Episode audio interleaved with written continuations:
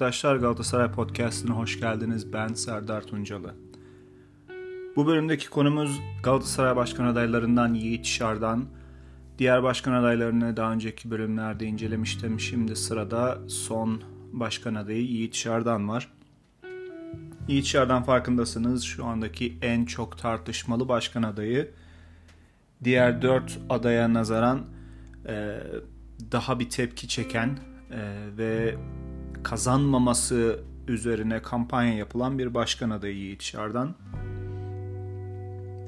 Yiğit Şardan ve ekibi hakkında söyleyeceğim eğer seçim iptal olmasaydı, e, normal şartlarda seçim olsaydı ve bu başkan ekip e, aday olsaydı e, bence açık ara farklı bu seçimi kazanırdı. Fakat şu anda şansı o kadar yüksek değil. Hatta ben onun şansını %30 olarak görüyorum.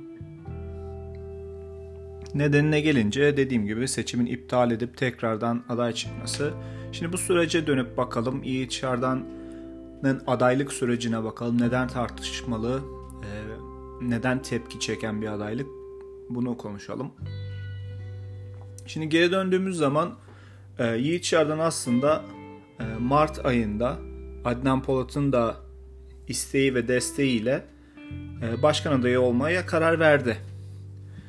Ancak e, yanında Abdurrahim Albayrak istedi. Neden? Abdurrahim, Abdurrahim Albayrak e, hem cebinden gerektiği zaman para koyan, hem bütün işlere koşuşturan, egosuz ve belli de bir oy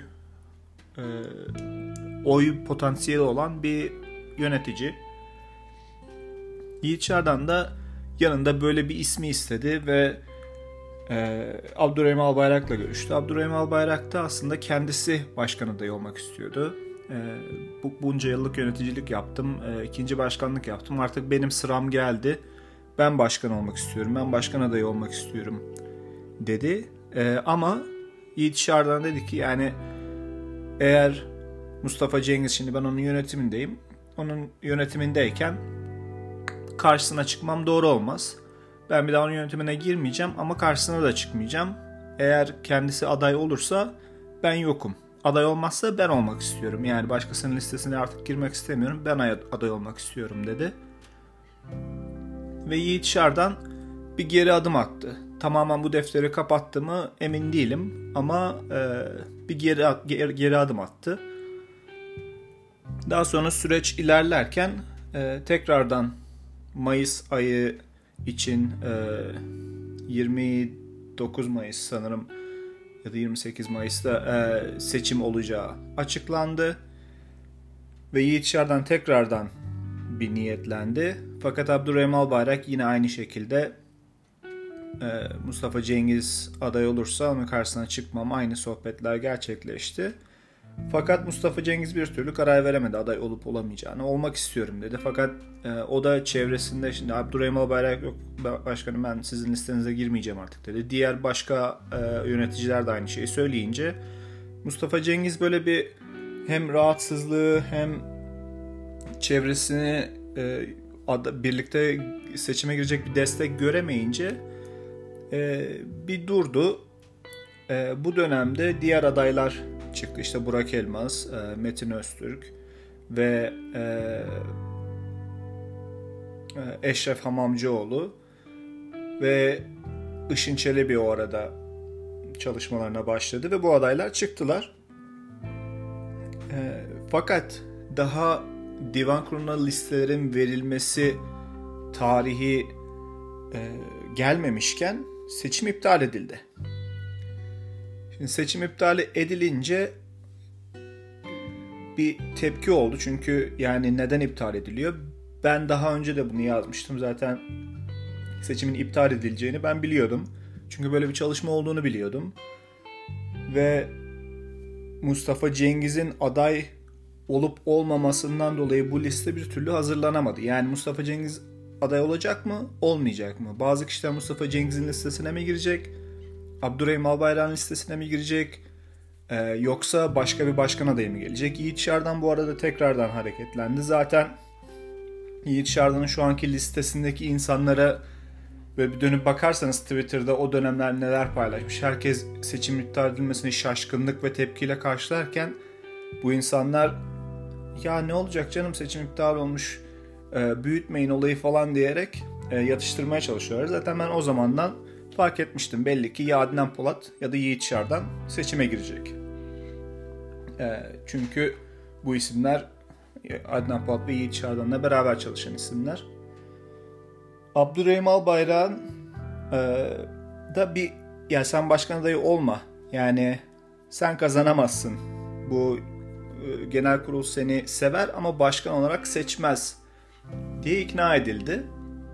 E, Adnan Polat e, yani Abdurrahim Albayrak bir ara Dursun Özbek'le de görüştü ama Dursun Özbek e, Adnan Öztürk'ü desteklediği için e, Abdurrahim Albayrak'a hayır dedi. Ve bu liste kurulmadan diğer adaylar divan kurullarına listelerini verdiler. Aslında öyle bir zorunlulukları yoktu. Yani divan kurulu liste falan talep etmemişti. Seçim zaten iptal edilmişti. Diğer adaylar adeta bir tepki olarak e, siz seçim iptal etmiş olabilirsiniz ama biz seçim iptal olmamış gibi hareket etmeye devam edeceğiz deyip e, 4, bu dört aday divan kurullarına göstermelik liste verdiler. Tabi bu listelerin hiçbir anlamı yoktu. E, ancak daha sonra seçim tarihi tekrardan açıklanınca ve tekrardan divan kuruluna liste verme tarihi açıklanınca bu adaylar listelerini değiştirerek yani aynı listeyi tekrar vermediler. Listelerini değiştirdiler ve tekrardan yeni listeleri divan kuruluna verdiler. Daha sonra e, İbrahim Özdemir de verdi ve nihayet Yiğit Şardan Abdurrahim Albayrak'la birlikte e, mevcut yönetimden de birçok ismin dahil olduğu, daha önce e, Adnan Polat'la hareket etmiş veya Yiğit Şardan'la hareket etmiş insanlardan oluşan listeyi divan kuruluna verdiler. Fakat birçok kişi buna tepki gösterdi. Neden? Dediler ki siz seçimi bu listeyi yetiştirmek için iptal ettiniz. Pandemiyi bahane olarak öne sürdünüz fakat siz demokratik olmayan yollarla aday oldunuz. Biz o yüzden sizin adaylığınızı kabul etmiyoruz. Bu haklı mı? Bence nispeten haklı çünkü her ne kadar gerçekten bu seçim pandemi koşullarıyla iptal edilecek olsa da zaten yani bu seçimin 28 Mayıs'ta yapılması gibi bir olasılığı hiçbir zaman olmadı. Açıklandığı zaman da zaten bu seçimin o tarihte yapılmayacağı biliniyordu. O yüzden e, bu şekilde aday olunmasından dolayı yani Yiğit Şardan ismine göre ismine değil bu şekilde aday olmasına tepkiyle e, karşısında bir grup oluştu. Yani bu şekilde biz sizin başkan olmanızı kabul etmiyoruz. Çünkü siz demokratik olmayan yollarla aday oldunuz.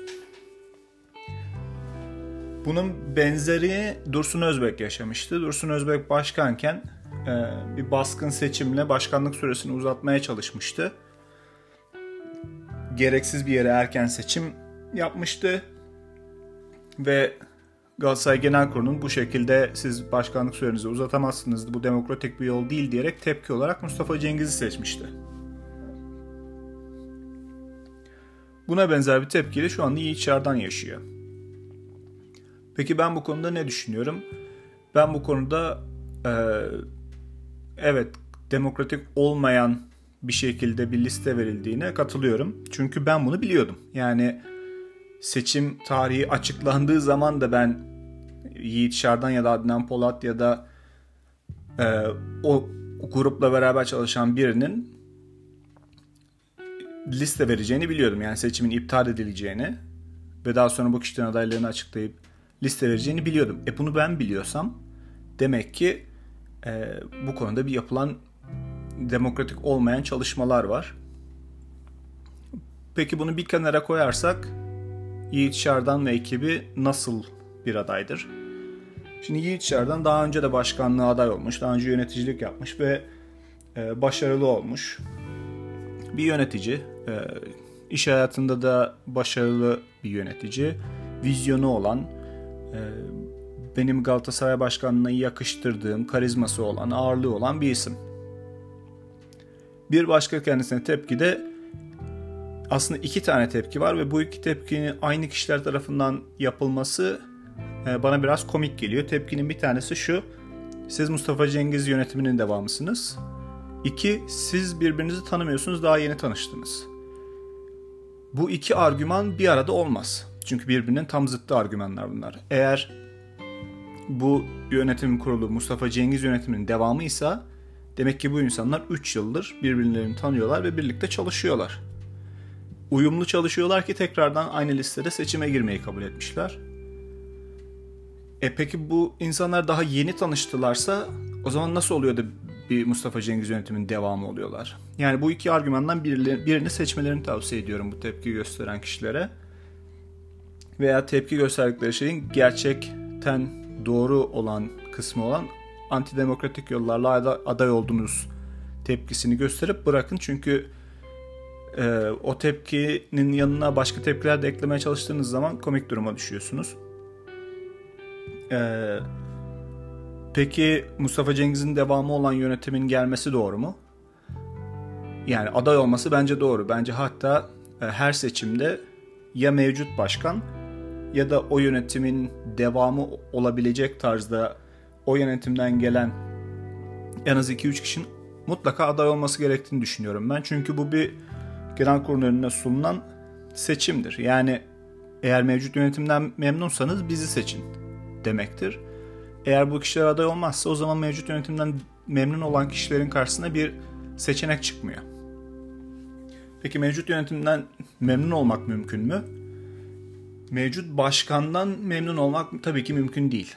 Ee, özellikle son bir yılda, son iki yılda yaptıkları e, transfer konusunda yaptıkları hatalar, beceriksizlikler, bu yönetimin e, bu yönetimden memnun olmayı pek mümkün kılmıyor. Fakat benim görüşüm Yiğit Şardan bambaşka bir insandır. Yani Yiğit Şardan'la Mustafa Cengiz'in aynı odada bulunması bile gariptir. Ee, birbirlerinin çok zıttı insanlardır. Ve ben Yiğit Şardan'ın Mustafa Cengiz yönetiminin devamı şeklinde ilerleyeceğine inanmıyorum. Örneğin Metin Öztürk e, Dursun Özbek yönetiminin devamıdır. Çünkü aynı listeden seçime girdiler. O listeden Dursun Özbek çıktı. Geri kalanlar seçime giriyor. Demek ki bu adaylar biz Dursun Özbek yönetiminin devamıyız. O yönetimde neler olduysa aynı şeyi bekleyebilirsiniz diyerek giriyorlar. Ee, ancak ben Yiğit Şardan'ın Mustafa Cengiz yönetimin devamı olduğuna inanmıyorum. Ancak şöyle bir şey var mevcut yönetimden son 3 senedir kulübün sorunlarına hakim, hakim bu konuda çalışmış kişilerin yönetimde bulunması bir refleks olarak iyidir. Yani gelir gelmez sorunlar biliniyor, e, maddi durum biliniyor, yapılanlar veya yapılacaklar belli. Hızlı bir şekilde devam edebilir. Yani yepyeni yönetim öz, öz, örneğin e, Burak Elmas seçilirse muhtemelen yani ilk yönetim kurulu toplantısına 4-5 tane kişi katılamaz çünkü yolunu bilmezler. Yani nerede yönetim kurulu toplantısı nerede diye o odayı bulam bulamayacak insanlar seçileceği için. O yüzden gelecekler ya ne bu şimdi ne yapıyoruz burada Galatasaray yönetimi nedir diyecek bir, bir sürü insan var. O yüzden bu şekilde özellikle yönetimin içinde olacak 2-3 kişinin bir anda biz zaten bu işi yapıyorduk aynen devam ediyoruz diye devam etmesi olumlu görüyorum. Özellikle Yiğit Şardan'ın vizyonunu katacağı bir yönetimin ben başarılı olacağına inanıyorum. Ancak dediğim gibi antidemokratik yollarla aday olması e, eğer ben üye olsaydım kendisine sırf bu yüzden oy veremezdim. E, ancak bu, bu önemsenmiyorsa, bunu önemsemeyen kişilerin bence oyunu alabilir. Peki seçilirse ne olur? Özellikle futbol takımından başlarsak yani Fatih Terim'le çalışacağını düşünmüyorum. Fatih Terim'in de bu yönetimle çalışacağını düşünmüyorum. O yüzden muhtemelen gelir gelmez bir Fatih Terim'le sembolik bir görüşme yaparlar. Fakat anlaşamazlar. Daha sonra e, Okan Buruk ismi geçiyor. Bilmiyorum Okan Buruk'la gerçekten görüşüp anlaştılar mı? Eğer Abdurrahim Albayrak'ı bırakırsanız Okan Buruk'u getirebilir. Ancak ben Yiğit Şardan'ı biraz tanıyorsam muhtemelen e, isimli yabancı bir teknik direktöre giderler gibi geliyor. Yani getirebilirler mi bilmiyorum. Ama Yiğit Şardan vizyonuna sahip bir insanın mutlaka bunu deneyeceğini düşünüyorum. Yani der ki ya kendi bireysel olarak gider görüşür ya da birilerini e, görevlendirir ve gidin şu teknik direktörlerle görüşün der bence. Ve yabancı ünlü yani hepimizin bildiği başarılı teknik direktörlerle görüşür. Fakat bir an önce takımın toparlanıp e, ön eleme maçına hazırlanması gerekiyor. O yüzden bu görüşmeler şu anda yapılıyor mu onu bilmiyorum. Ancak gelir gelmez bir hafta içinde takımın başına teknik direktör getirilemezlerse e, özellikle Avrupa macerasını bu sezon çöpe atmış oluruz. Daha önce Tudor yönetiminde takım yani teknik direktörümüz vardı ama takımın kurulması geciktiği için Östersund'a elenmiştik. Ee, ona benzer bir e, facia yaşayabiliriz. Ancak o sezon şampiyon olmuştuk. Yine böyle bir şampiyonluk gelebilir. Ee, onun dışında maddi olarak bence iyi bir yönetim sergileyebilir bu yönetim. Özellikle dediğim gibi Abdurrahim Albayrak'ın sıkışık durumlarda elini cebine atmaktan korkmaması e, bir avantaj ve mevcut yönetimin kabiliyetli isimlerinin şu andaki e, Yiğit Şardan'ın listesinde aday olması mali konularda bir an önce yapılması gerekenlerin yapıl, yapılmasını sağlayabilir. E, o yüzden ben Yiğit Şardan ismine çok soğuk bakmıyorum açıkçası. Dediğim gibi tek bir sorunu var o da antidemokratik yollarla aday olması. Fakat bunun suçlusu Yiğit Şardan değil Mustafa Cengiz. Ee, bir türlü ne yapacağına karar veremedi ve bu seçim sürecini iyi yönetemedi. Ee, seçilme şansı dediğim gibi bence %30 kendisine karşı bir cephe oluşacaktır. Eğer bu cephenin oyları bölünürse seçilir. Ama bu cephe belli bir aday altında konsolide olursa seçilemez. Ee, onun dışında şu anda söyleyeceğim başka da bir şey yok Yiğit Şardan hakkında. Daha sonra seçime yaklaştığımız zaman tekrardan bir bölüm seçip e, bölüm çekip neler olabileceğini e, söyleyeceğim. Çünkü farklı gelişmeler oluyor. Bu yayını yapmadan hemen önce Metin Öztürk'ün bir açıklaması oldu. Bir sene sonra tekrardan seçime gideceğiz Mayıs ayında diye. Bu bence Metin Öztürk'ün seçimi kaybettiğini ilanıdır. Bu Mustafa Cengiz için işe yaramıştı ama şu anda öyle bir durumda değiliz ve bir sene sonra seçim yapacak olmak demek biz aslında 4 seneliğine geliyoruz demek. Çünkü bir yönetimi seçeceksiniz, bir sene görev yapacaklar sonra başka birini seçmeyeceksiniz. Çünkü yeteri kadar vakit vardı. Adaylar aday olabildiler. Ee, o yüzden bir sene sonra seçim yapılmasını gerektirecek bir durum yok ortada. Bunu ben e, bir oy konsolide etme çabası olarak görüyorum. Farkında herhalde oyların kendisinden gidip başkalarının altında konsolide olduğuna. Ya bu oyları nasıl çekebiliriz deyip böyle bir çözüm bulmuşlar. Ee, ancak ben artık Metin Öztürk'ün de seçimi kazanma ihtimali olduğunu düşünmüyorum. Şu anda benim gözümde 3 olasılıklı bir seçime doğru gidiyoruz. Yiğit Çardan, Eşref Amamcıoğlu ve Burak Elmas arasında geçecek. Ee, dediğim gibi seçim yaklaştıkça benim de görüşlerim daha da netleşir ve seçimin ne olacağına dair tahminlerim daha da netleşir ve adaylar e, hakkında belki fikirlerim değişir mi bilmiyorum açıklamalarına göre. Ama şimdilik bu kadar. E, lütfen bu podcast'i paylaşın. E, daha çok kişiye ulaşalım. Hepinize sarı kırmızı günler diliyorum. Hoşçakalın.